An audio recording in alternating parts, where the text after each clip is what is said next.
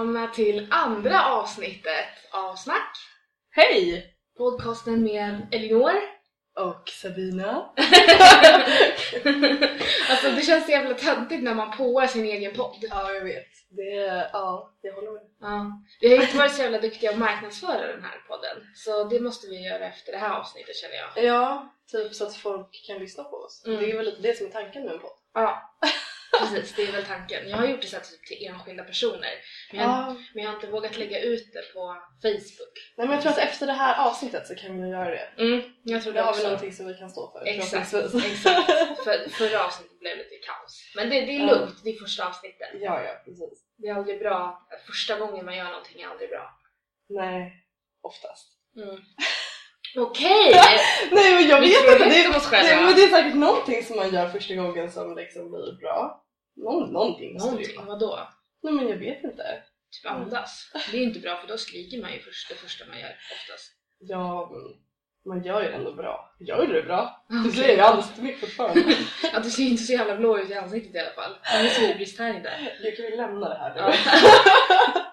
ja, ja, jag lyssnade på morgonpassen häromdagen. Ja, jag vet. Mm, och så pratade de om eh, arkeologi. Det Såklart. Mitt favoritämne i hela världen. ja, det var en tjej där, vad är hon, professor? Ingrid Berg, hon är docent. Docent. Eh, doktorand. Doktorand. Nej, ja, doktorand är hon i alla fall. På Mm. Stockholms universitet på arkeologiska institutionen. Mm, hon var där och gästade morgonpasset. Precis. Och så hörde jag att de läste upp en fråga, Kakan Hermansson läste upp en fråga. jag vet! Som jag bara kände så här: oj vilken bra fråga och sen bara, ja hälsningar Sabina.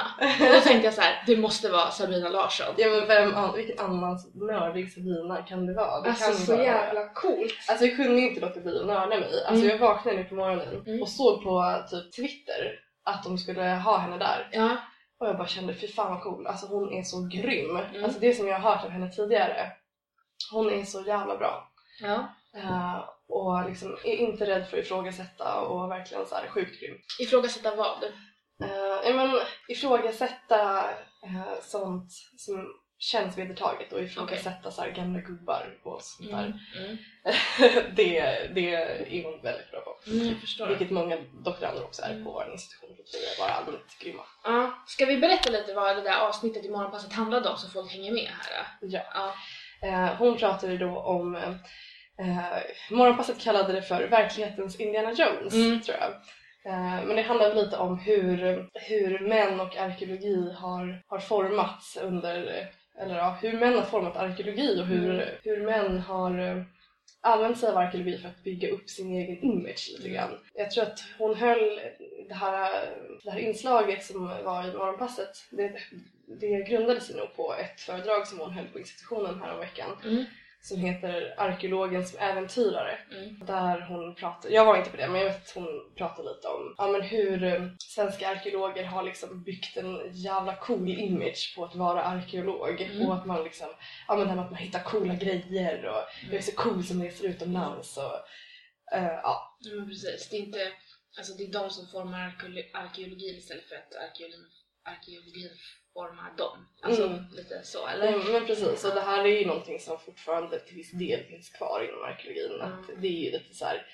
Berättar man att man är arkeolog då är det såhär åh coolt, ah, får du jobba utomlands och gräva grejer typ. Man bara, Hittar nej. du dinosaurier? Ja, men, ja, det är en annan fråga. Eh, nej men så att det, det finns ju fortfarande kvar det här liksom bilden av arkeologen som en jävligt cool dude som bara Går runt i en lite så här hattig Ja precis, kakeshorts och bara så här akta sig för mumier typ. mm, och som Ja. lägger sandsäckar på så här, Fällor och så. Exakt. Ja. Jo, men, jo men precis, men så är det ju och det stämmer ju verkligen, verkligen inte. nej. Alltså arkeologerna är typ de största nördmänniskorna som finns. Mm. Alltså det, det är verkligen så. Mm. Mm. Men då tänker jag så här, de arkeologerna som verkligen kommer fram Mm. och som formar sig på det sättet, Ja. eh, eller som vill framstå som typ Indiana Jones, för att det finns väl, det var ju därför de tog upp det här exemplet liksom. Mm. Eh, kan det ha någonting med att göra att de specifikt kommer från en viss bakgrund eller sådär tänker jag mer. Förstår du hur jag menar? Att Mm. alla arkeologer är ju inte på det sättet. Nej, nej verkligen inte. Och det här, det här var ju mycket mer vanligt förr, alltså Ja. speciellt under 1800-talet. För då var det verkligen de liksom, de rika, ja, övrig medelklass och överklassmännen typ som, Mm. som hade råd att utbilda sig. Det var, det var verkligen så. Det var väldigt, väldigt få kvinnor. Mm. Eh, Och andra människor från andra samhällsklasser. Ja men precis och andra hudfärger och liksom allt sånt där. Utan det var verkligen bara så här crème de la crème typ. Mm. Mm.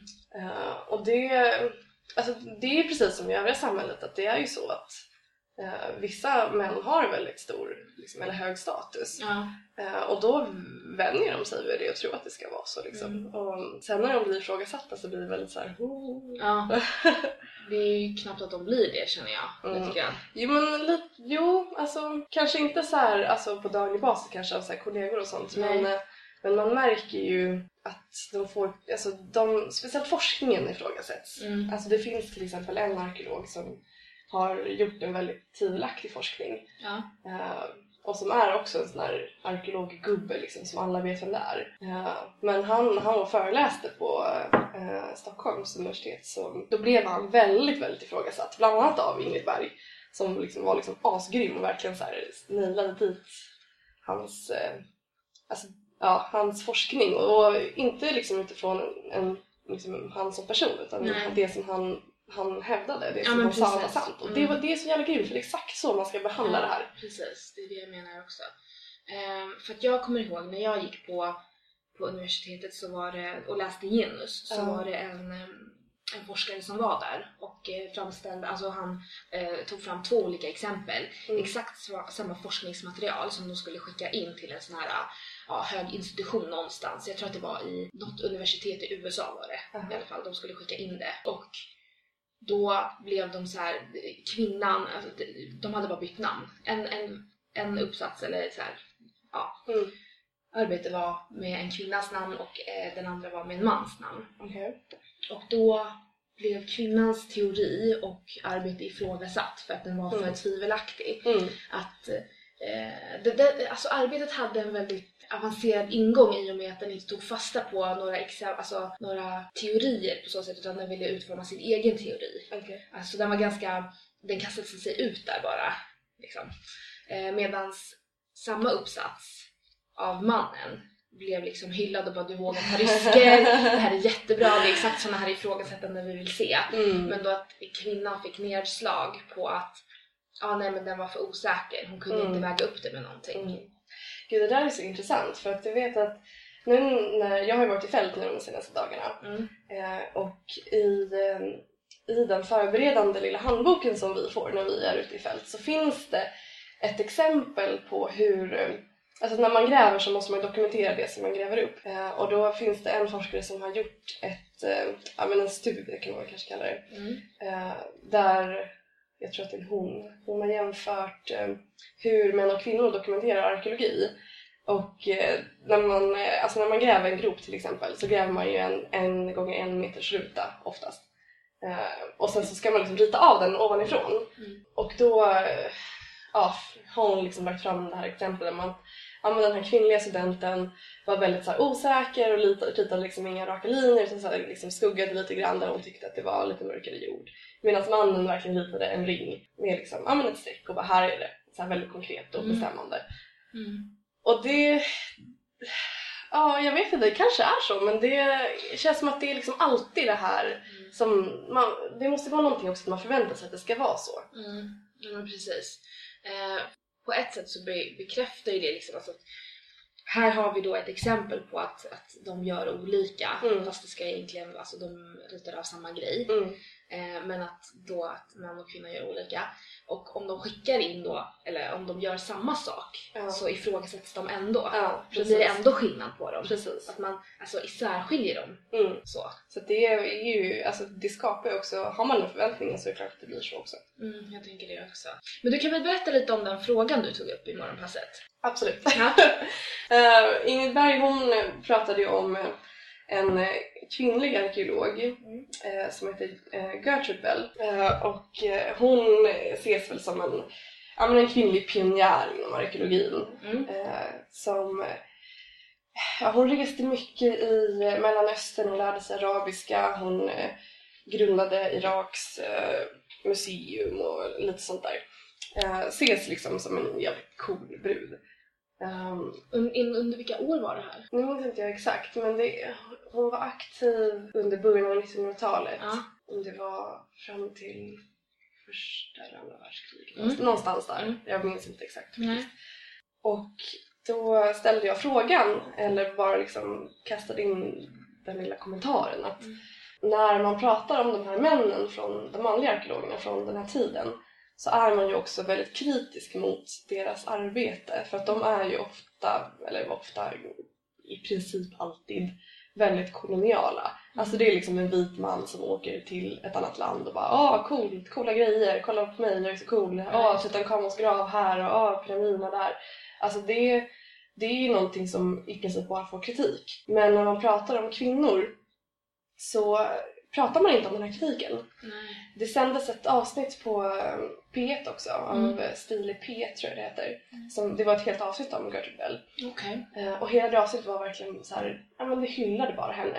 Hon Mm. var så himla cool och hon eh, gick emot eh, eh, alltså alla samhällsstandarder. Hon fick, inte, hon fick inte utbilda sig men hon gjorde det ändå. Mm. Alltså hon, när hon satt i klassrummet på universitetet så fick hon sitta med ansiktet vänt bort emot föreläsaren för att annars så skulle föreläsaren skämmas för mycket för att det var en kvinna där. Gud. Eh, och det, alltså, det är så jävla bra att man tar upp henne och man tar upp kvinnliga arkeologer. För att det behövs verkligen för att kvinnliga arkeologer har fan gjort jävla mycket för arkeologin som disciplin och som vetenskap. Det, det, ska, det ska liksom tas upp, det är liksom inget snack om saken. Men det som jag tycker är lite konstigt Mm. är att man inte tar upp den här koloniala kritiken mot kvinnor för att hon var ju också superkolonial. Alltså hon åkte ju till liksom Mellanöstern och ja, bara liksom tog över och hjälpte Churchill att eh, utforma Irak som stat. Mm. Och den, men den kritiken liksom för, den tystnar bara för att hon är kvinna. Mm.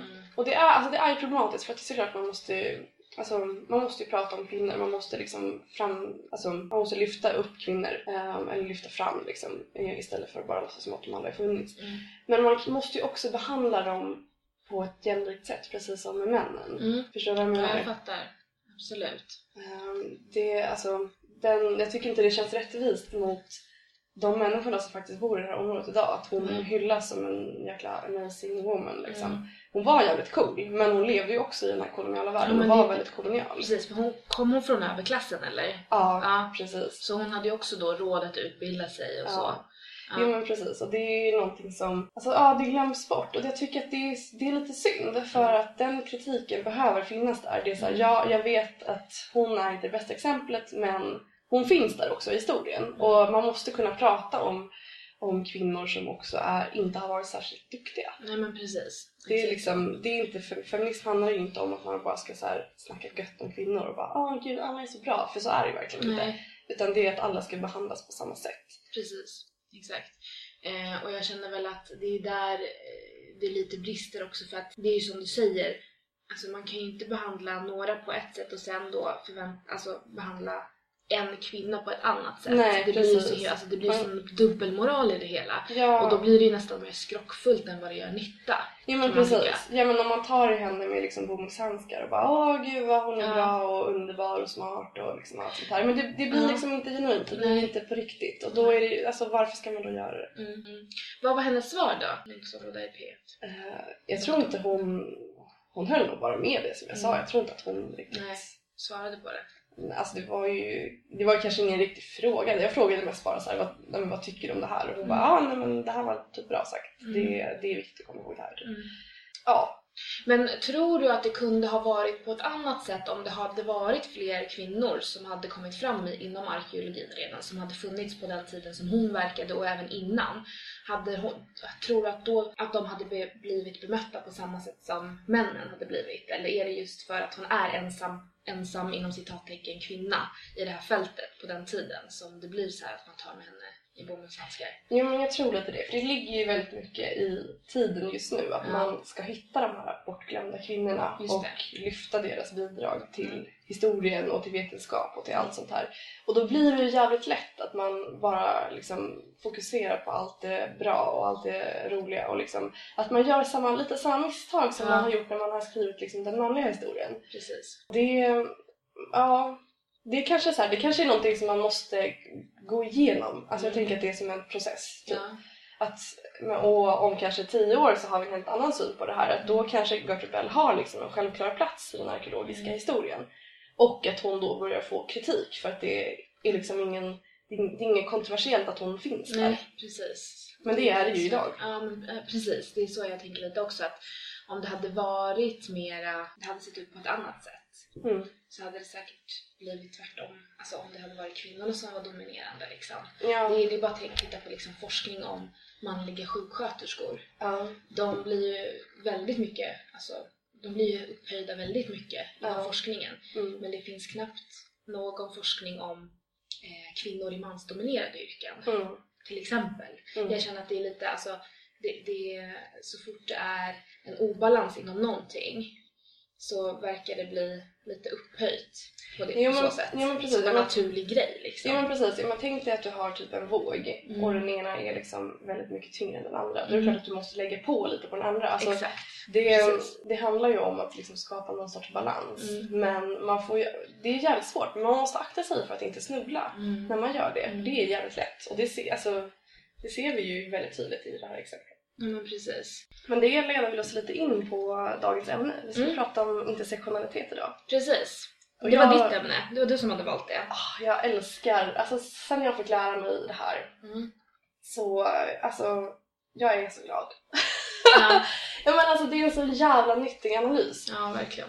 Eh, men vi kan börja med att förklara vad intersektionalitet är. Mm. Och vi ska väl säga att jag, alltså jag har läst lite på universitetet Mm. om intersektionalitet. Jag har, jag har berört ämnet, Mm. men jag läste bara en jättekort kurs om genus så det var Ja. inte den mest alltså, alltså, som vi fokuserade på. Mm. Men det jag förstod av den är att det är en teori som försöker ta med alla olika sorters maktstrukturer i en och samma.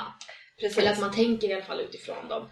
Typ samhällsklass, etnicitet, religion, kön och så vidare. och så vidare. Att man behand, försöker behandla alla. Precis.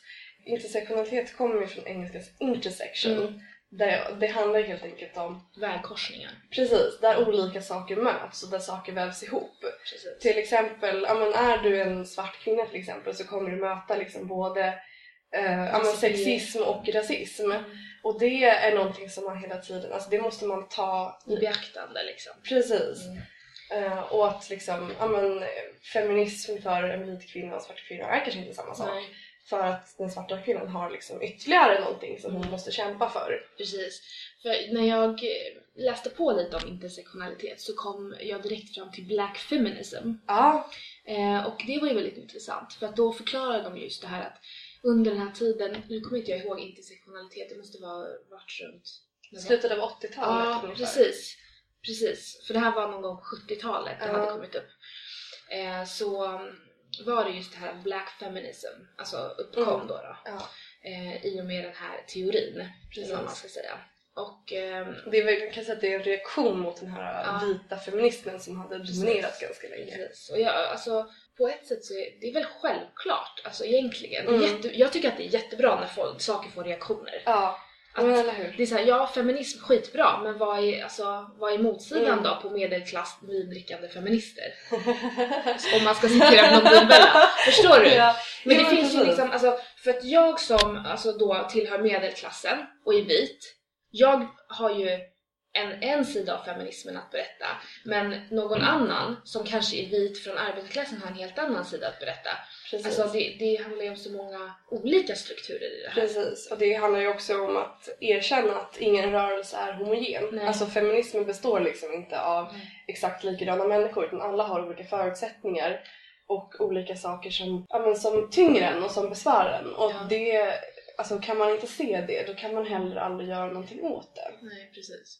Så jag tycker att det här är ett jävla bra verktyg. Mm. Eh, man kan säga att det är en analysmetod Mm. kanske. Mm. Eh, och det, alltså när man väl lär sig det här och när man liksom blir medveten om det, alltså man ser så mycket mer. Mm. Man förstår så mycket mer och man fattar liksom att ah, ja men okej, men jag ser mig som feminist och liksom Mm. allt sånt här men, men vad fan, jag måste också skärpa till mig. Ja. Det, Absolut. kan inte hålla på så här. Nej men alltså bara för att jag har en verklighet betyder inte det att alla andra har samma verklighet. Nej. Alltså det, det är liksom bara att titta på typ de- den här analysen som Gudrun Schyman gör Ja, också. Den här maktbalansen som hon försöker alltså, Ja. reda ut på sina homeparties. Precis. Så. Eh, och jag menar, där visar hon på att alltså, pengar, klass, kön, etnicitet, eh, Sexualitet, sexualitet, hudfärg, hudfärg, allt. Ja. Alltså man skulle väl kunna säga att det är de här sju öarna som man använder inom eh, diskrimineringslagarna. Jaha, finns det sju Ja, öar? Var, Sju öar. var är de? Eh, nej men eh, de här sju diskrimineringsöarna, eh, eller diskrimineringsgrunderna som de Ja. egentligen heter då. Jag, jag tänker att intersektionalitet utgår väldigt mycket ifrån dem Okej. eh, som vi har. Och det är då kön, Ja. Könsidentitet eller könsuttryck. Ja. Och det kan ju vara lite diffust. Men då har eh, DO förklarat det att det är personer med könsidentitet eller könsuttryck som hela tiden eller periodvis skiljer sig från könsnormen då. ja. Exempelvis transvestiter eller intersexuella. Så var det transvestit. Mm. Transvestiter eller intersexuella. Okej, den här är inte uppdaterad. Nej. Men eh, de menar ju de menar ju att de som bryter från normen, Ja, alltså att det är förbjudet att diskriminera emot. precis. Ehm, Vilket är helt sjukt för att det känns som att det händer varje dag. Mm, precis. Absolut, det gör det ju.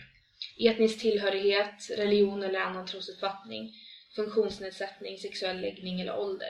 Alltså jag menar allt det här spelar ju roll. Absolut. Och det är väl, absolut. det, när jag läste på om intersektionalitet så tänkte jag direkt på de här. Ja. För det är såhär, men gud, det är ju typ att de väger in alla de här sju Ja. stycken. Precis, och det finns säkert mycket, mycket Ja, mer också gud, ja. som, Gud ja. som man behöver väga in där. Mm. Men det är det jag tycker är så skönt. För att i och med, om man tänker från ett intersektionell, Interse- Listiskt. intersektionellt. intersektionellt, Ja. är det inte intersektionalistiskt? Nej, Nej, det låter fel. intersektionellt. Intersektionellt perspektiv. Då, alltså det, det visar ju, den teorin är ju väldigt noga med liksom att ja, men ingenting är skrivet i sten. Allting betyder någonting. Och då tycker jag att alltså det, det är så skönt för att då blir det så ja men då är det ganska fritt.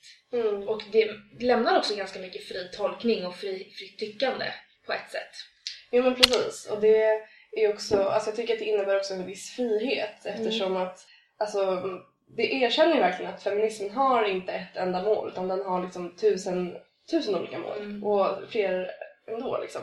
Att alla, men, jo men att liksom det, det är en väldigt mångfacetterad rörelse. Mm. Att det finns så många olika sorters människor som får rum också inom feminismen. Ja. Att feminismen inte utestänger någon Mm. att ehm, alla får plats och det finns liksom det finns jävligt mycket orättvisor men tillsammans, alltså, så länge vi är medvetna om det här så kan vi göra någonting åt det. Mm. Och då kommer alla, då kommer alla att få det bra. Kom alla vad bra!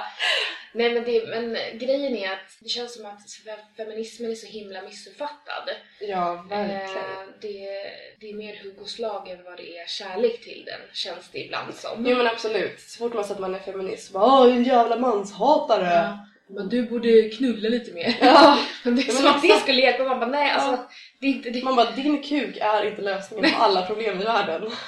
Precis så. Ehm, och jag blir så förbannad, alltså för att jag är typ såhär, men alltså förstår du inte du att allt det här hänger ihop? Ja Alltså, precis. ditt uttryck gentemot mig Mm. när jag säger att jag är feminism, det är grundat i någonting större. Exakt. Alltså det, det är grundat i ett, i ett hat, alltså ett, ett förtryck liksom. Mm.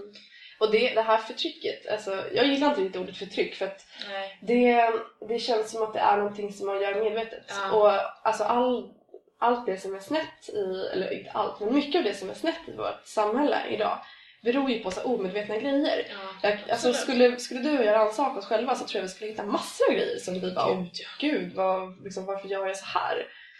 Och det, det är ju det här man måste förändra och det är det som är så jävla svårt för att oftast så är det någonting som man gör omedvetet. Ja. Alltså så här, saker man säger, saker, hur man beter sig, vad man gör, liksom allt sånt. Ja, så man, alltså, det är ingen som gör något, något av det här med flit.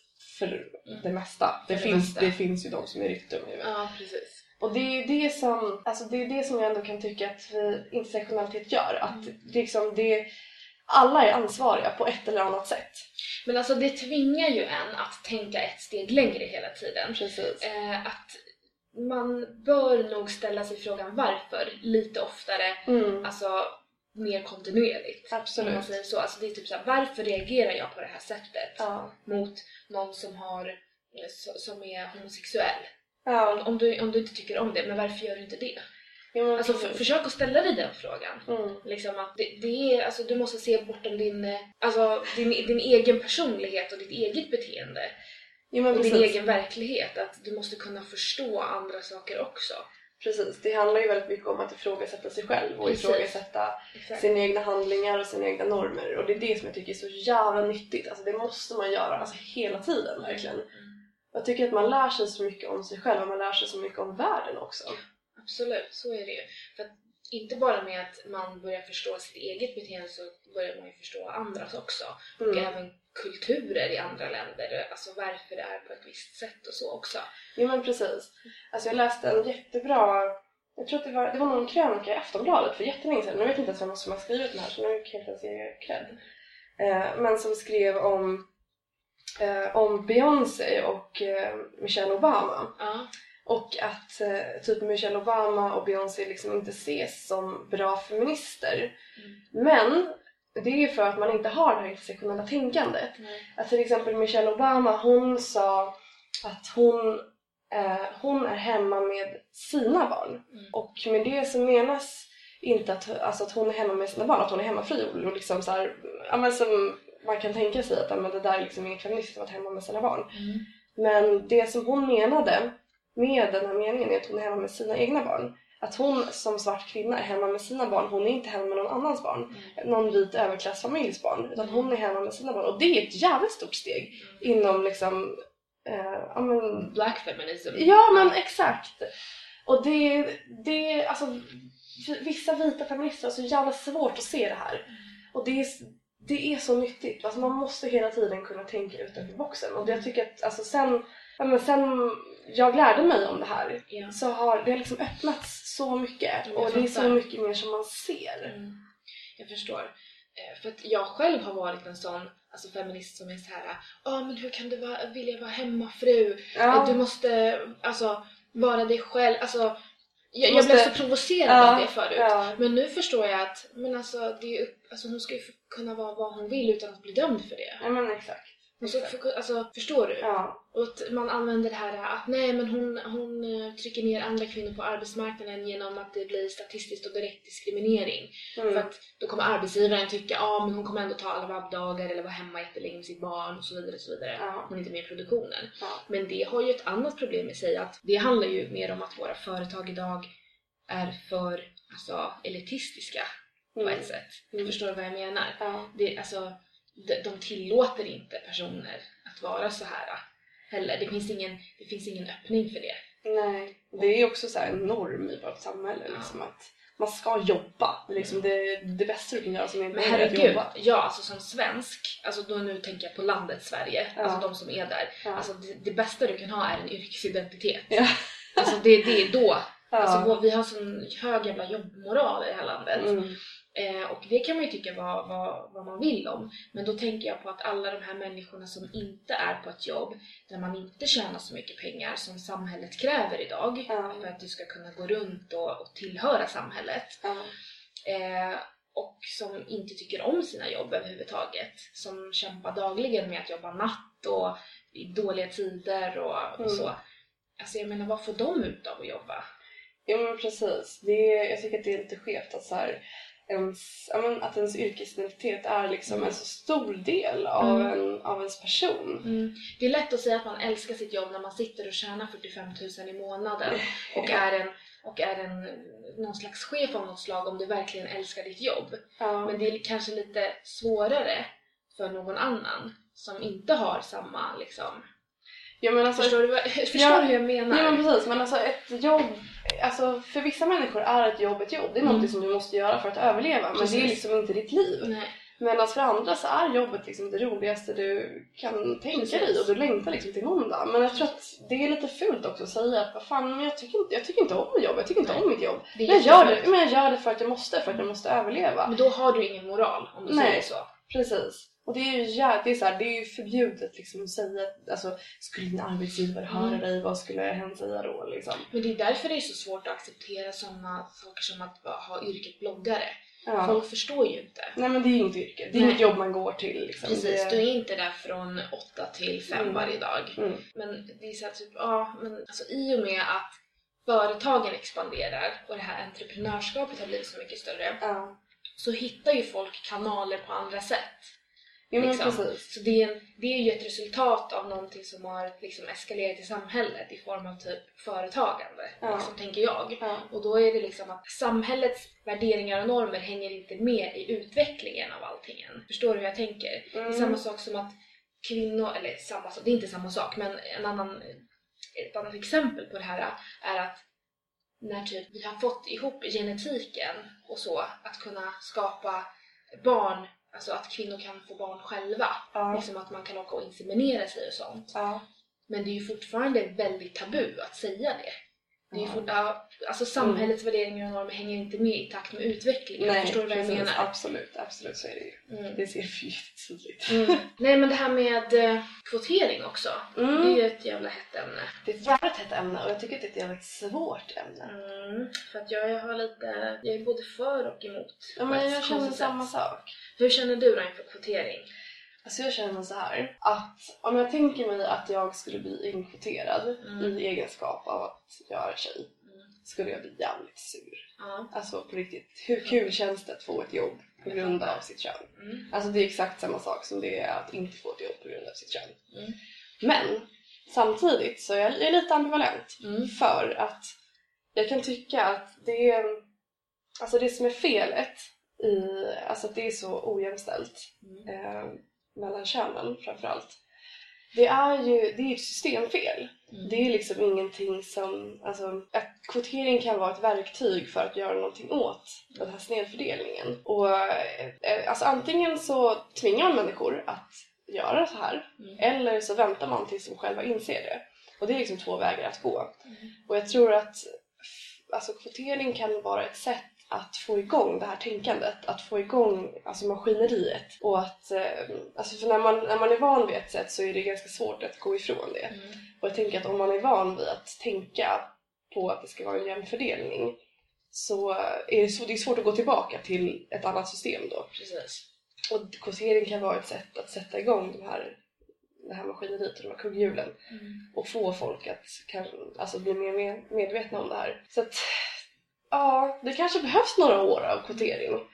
Och sen så kanske det rullar på av sig själv. Men samtidigt så känns det så jävla surt att det ska behövas kvoteras. Mm. För att, alltså, jag har lite samma ingång som dig i det här. Ja, Eh, för att jag tror att, som sagt, att det kan vara en, alltså att få igång en rullning i det här jävla samhället. Ja, alltså jo, det är så spårbundet, Ja. förstår du?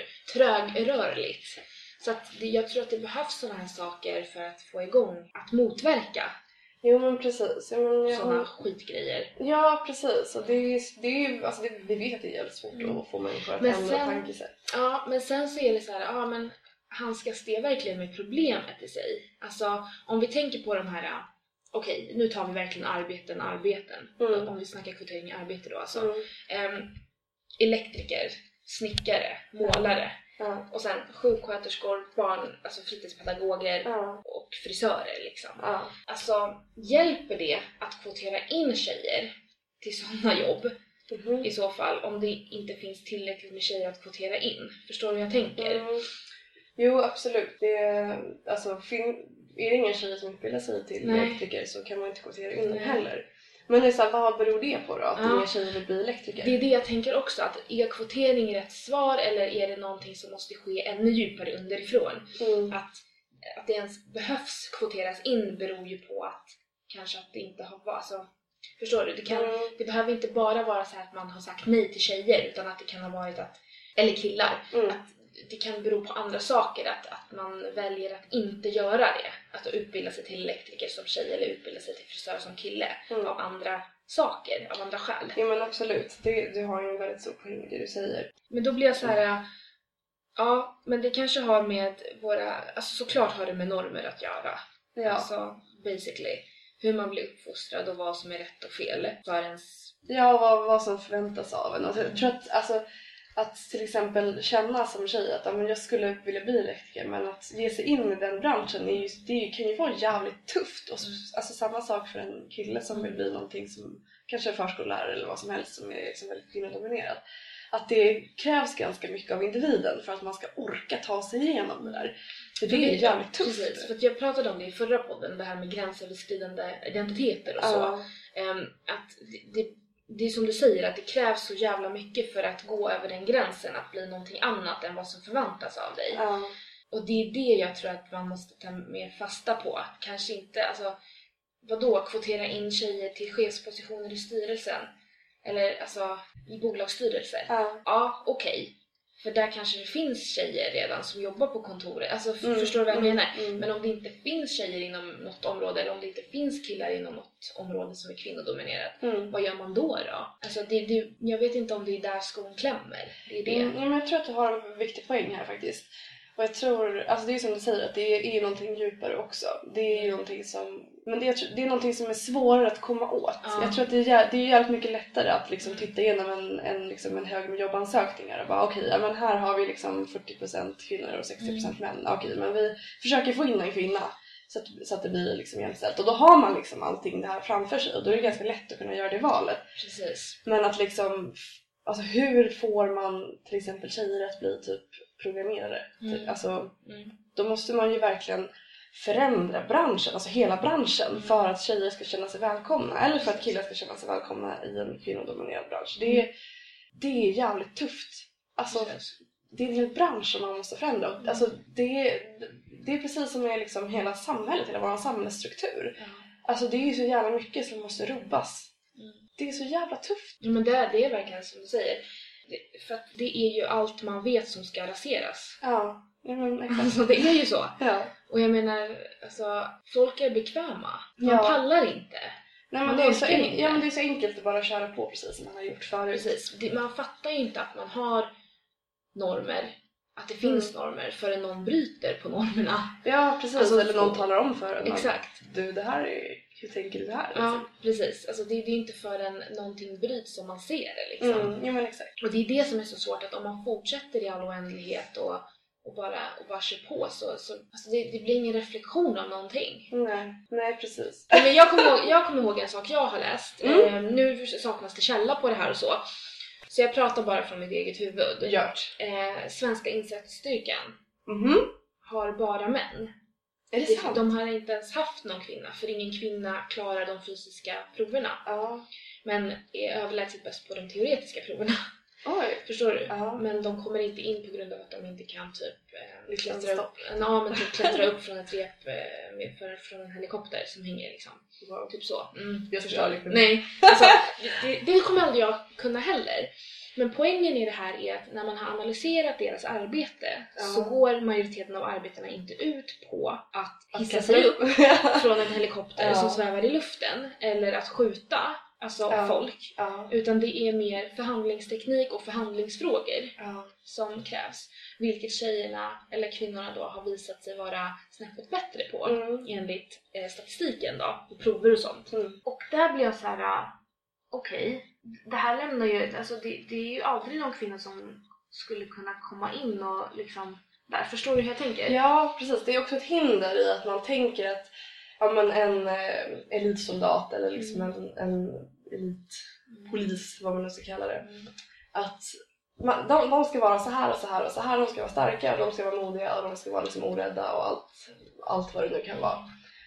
Men- Basically så är det alltså idealbilden av mannen Ja, som man alltså framställer där. ja, ja absolut. Men ser det ut så i verkligheten? Det är det man måste liksom det är det man måste komma fram till, det är det man måste våga också ifrågasätta. Liksom, vad är det som händer egentligen i, i vårt arbete, i vår yrkesroll? Precis. Och det är, alltså, ett annat exempel är kvinnliga brandmän till exempel. Mm. Det är jättemånga som är, alltså jag tycker man hör i kritiken väldigt ofta så här, man sänker inträdeskraven för kvinnor och eh, vad fan, de klarar inte det här egentligen men man gör så bara för att det är så PK och bla bla bla. Mm. Och det är väl så här, alltså varför inte bara, alltså jag kan bli så här, alltså istället för att se det som kvinnor kan det här, män kan det här, så är det så här, vissa kvinnor kan lyfta en jävla stock. Det kan inte alla tjejer och det kan inte alla killar heller. Mm. Alltså vissa kvinnor kan det, vissa män kan det och kan man det, ja men då kanske man passar som brandman. Mm. Va, alltså, va, hur kan det vara så svårt? Mm. Men det är det, alltså det, det är ju, alltså de här branscherna är ju som vi sa förut, homogena. Ja. Det är ju det som är grejen, att man har ju tagit fram en mall på hur det ska vara och hur Ja. den här personen ska vara. Mm. Vilket, alltså det är inga andra som kommer komma in då. Nej, precis. Vilket skapar en väldigt homogen grupp. Ja, och det skapar ingen utveckling heller. Nej, absolut inte. Det blir spårbundet också och trögrörligt. Ja. Ehm, Ja, jag blir bara så jävla, jag, alltså jag blir så himla arg på det här för att Ja. det, det finns så jävla många personer där ute med så jävla bra egenskaper som skulle platsa så jävla bra i vissa yrken Ja. men som inte kommer in eh, i dem för att det, det, är, det är liksom viss mall man måste passa in på som inte Mm. ens stämmer med verklighetsbilden av det hela. Nej men precis. Eh, Och jag blir så här, och bara för att man kvoterar in människor, jag ska vara noga med det också och säga, bara för att man kvoterar in människor så betyder inte det att de är lämpliga för jobbet heller, Nej. tänker jag. Nej. Eh, utan jag tror att man ska passa sig jävligt mycket för det där, för att i vissa yrken krävs det vissa egenskaper. Mm. Lika mycket som, alltså det blir tvärt emot, att det finns vissa yrken som bör kvotera in för Mm. att få in lite nya egenskaper Mm. och, och så. Men vissa yrken kanske kräver vissa saker också. Precis. Jag tror att också det kan vara viktigt att eh, försöka släppa lite på den här mallen och så här, alltså försöka släppa lite på sitt tänkande Mm. och kanske liksom bara, bara ta en chans och bara, men den här personen kanske inte passar den här liksom, stereotypa bilden men jag tror ändå att den här personen har någonting som den kan bidra med. Och det, jag tror att man måste våga lite också. Det, och det är också så här, det är, en, det är en sån sak, det är en sån stor grej som krävs av individen. Att den som anställer måste kunna vara stark nog och liksom ha kunskap nog att kunna se det här. Och det är, alltså, Men det är där det fallerar, för kunskapen finns inte, för folk Nej. vill inte lära sig. precis. Och det lägger så mycket svar, alltså ansvar på individen. Ja. Och det är också någonting som, alltså, tänk dig att förändra hela det här liksom, systemet som ensam person. Det går ju inte. Och det, det är någonting som vi måste förändra tillsammans. Precis. Antingen måste det komma liksom gemensamt underifrån eller uppifrån, alltså från politiken. Mm, jag tror också det. Eh, det är exakt så som du säger, för att jag tror att ja, om det blir liksom lag, lagstadgat, då tvingar man det. Ja, Och det kan ju ha sina för och nackdelar. mm, ja men precis. Ja, man vill ju inte gå dit Nej, liksom. precis. Men på ett sätt så är det så här också att om man, om man reagerar som medborgare underifrån, nu häller jag upp lite te, så kan man nog eh, åstadkomma en hel del också. Absolut. Man tryck på det. Absolut, men det är bara att liksom titta på det här med bananerna. Mm. Sen den här, eh, vad var det, det var en dokumentär tror jag det var, som släpptes om eh, eh, hur mycket gift är i bananer. Var det de som gick på plantagen eller? Ja. ja jag såg den. Gjorde du? Jag Ja. har inte sett den. Mm, den. Men sen, alltså sen den, den liksom sändes och sen folk började prata om den så är det ju, alltså det är många affärer som har slutat sälja oekologiska bananer. Det är typ ingen som köper ekologiska bananer längre. Mm. Och det är ju någonting som kommer ifrån alltså konsumenterna, som kommer ifrån liksom människor. Och Precis. det, alltså, ja det är, någon, det är någonting som har lyckats. Ja. Men det krävs ju också ett så jävla stort engagemang. ja, men det gör ju det. Det gör ju det. Och att man måste bryta också sina egna köpvanor. Mm. Och ifrågasätta sitt eget handlande och sitt egen, sin egen konsumtion. Det är verkligen så.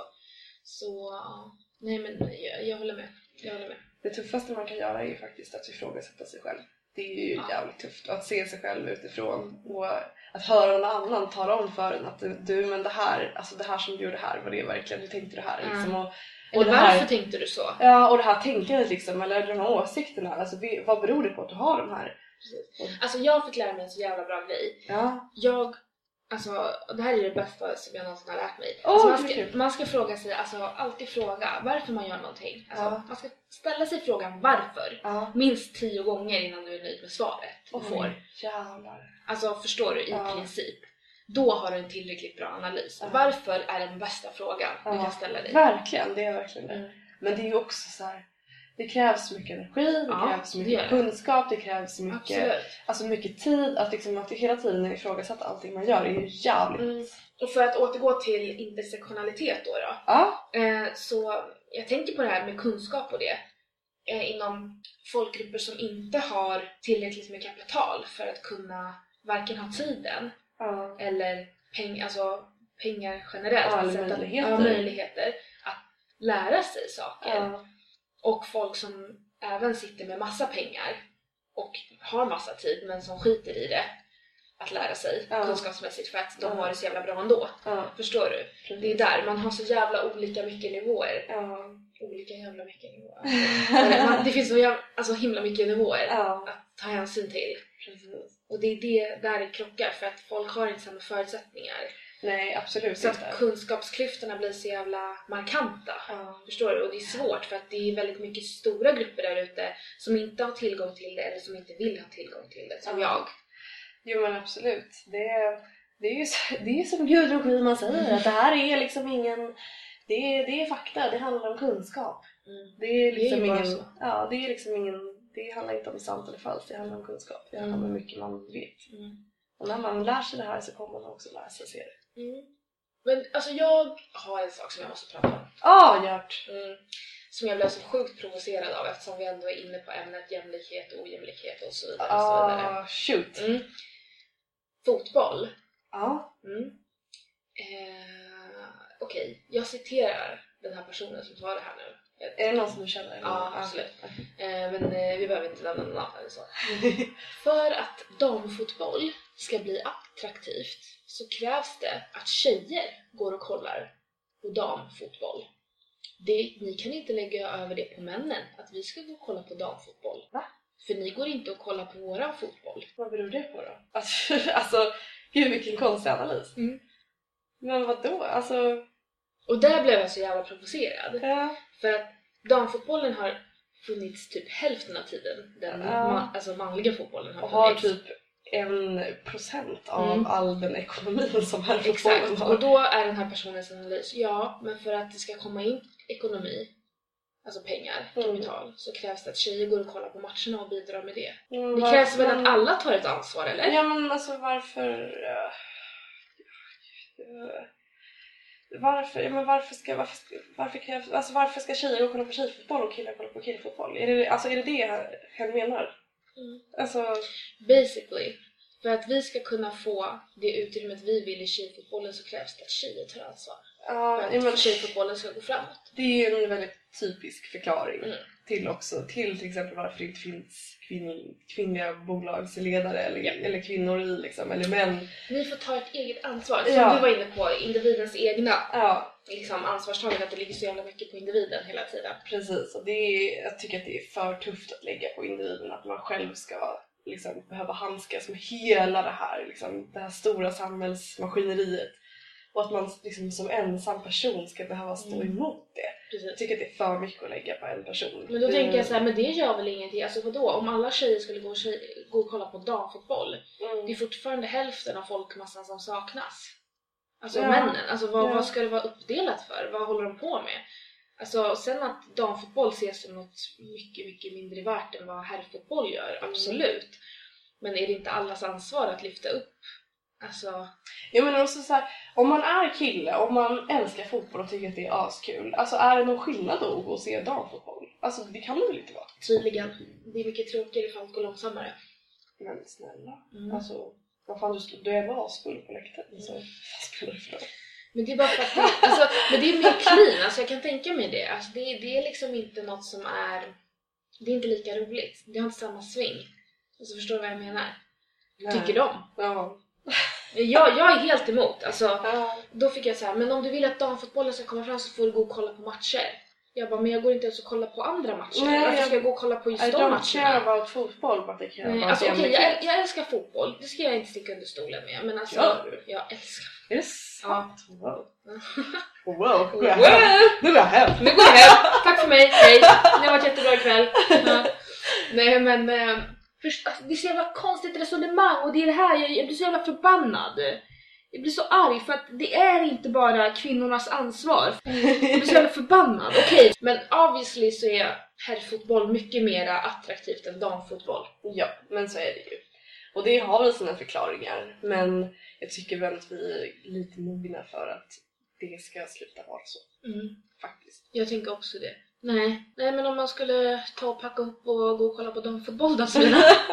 ja, men du kan gå så går jag och gör någonting annat. Gör någonting annat. Ja. Nej men, eh, ja, kanske lite rörigt avsnitt. Ja, lite, lite, lite rörigt. Men, eh, men det beror också på att jag, är väldigt, jag har varit sjuk och är väldigt rörd i min hjärna just nu. Ni hör ju min röst att jag är lite, lite förkyld. Täppt i näsan. Ja, och väldigt, väldigt hes. Jag hade, I veckan har inte jag haft någon röst alls. Nej. Eh, Och min hjärna drabbas ju såklart av det här. Drabbas ju såklart av det här. Ja. Dr. Sabina har talat Ja. eh, och jag eh, ska försöka klippa ihop den här podden. Och jag det, blev ju lite Lycka klipp- till! det blev ju lite klippfel förra gången. Men det var det Eh, ingen som märkte. Nej, det hoppas vi inte. Av våra en lyssnare. Våra en lyssnare. Och nu ska vi marknadsföra det här bättre. Och ni som har lyssnat som orkar ha tagit hela- Tagit er igenom. Ja, precis exakt så. Får jättegärna sprida den vidare om ni tyckte att den var bra eller dålig. Det är ju också alltså... Speciellt om de var dåliga Ja, bara. speciellt om den var dålig. Då kan ni sprida den vidare. Nej men... Eh, puss så länge då så hörs vi väl om en vecka igen då. Hej då, hej då!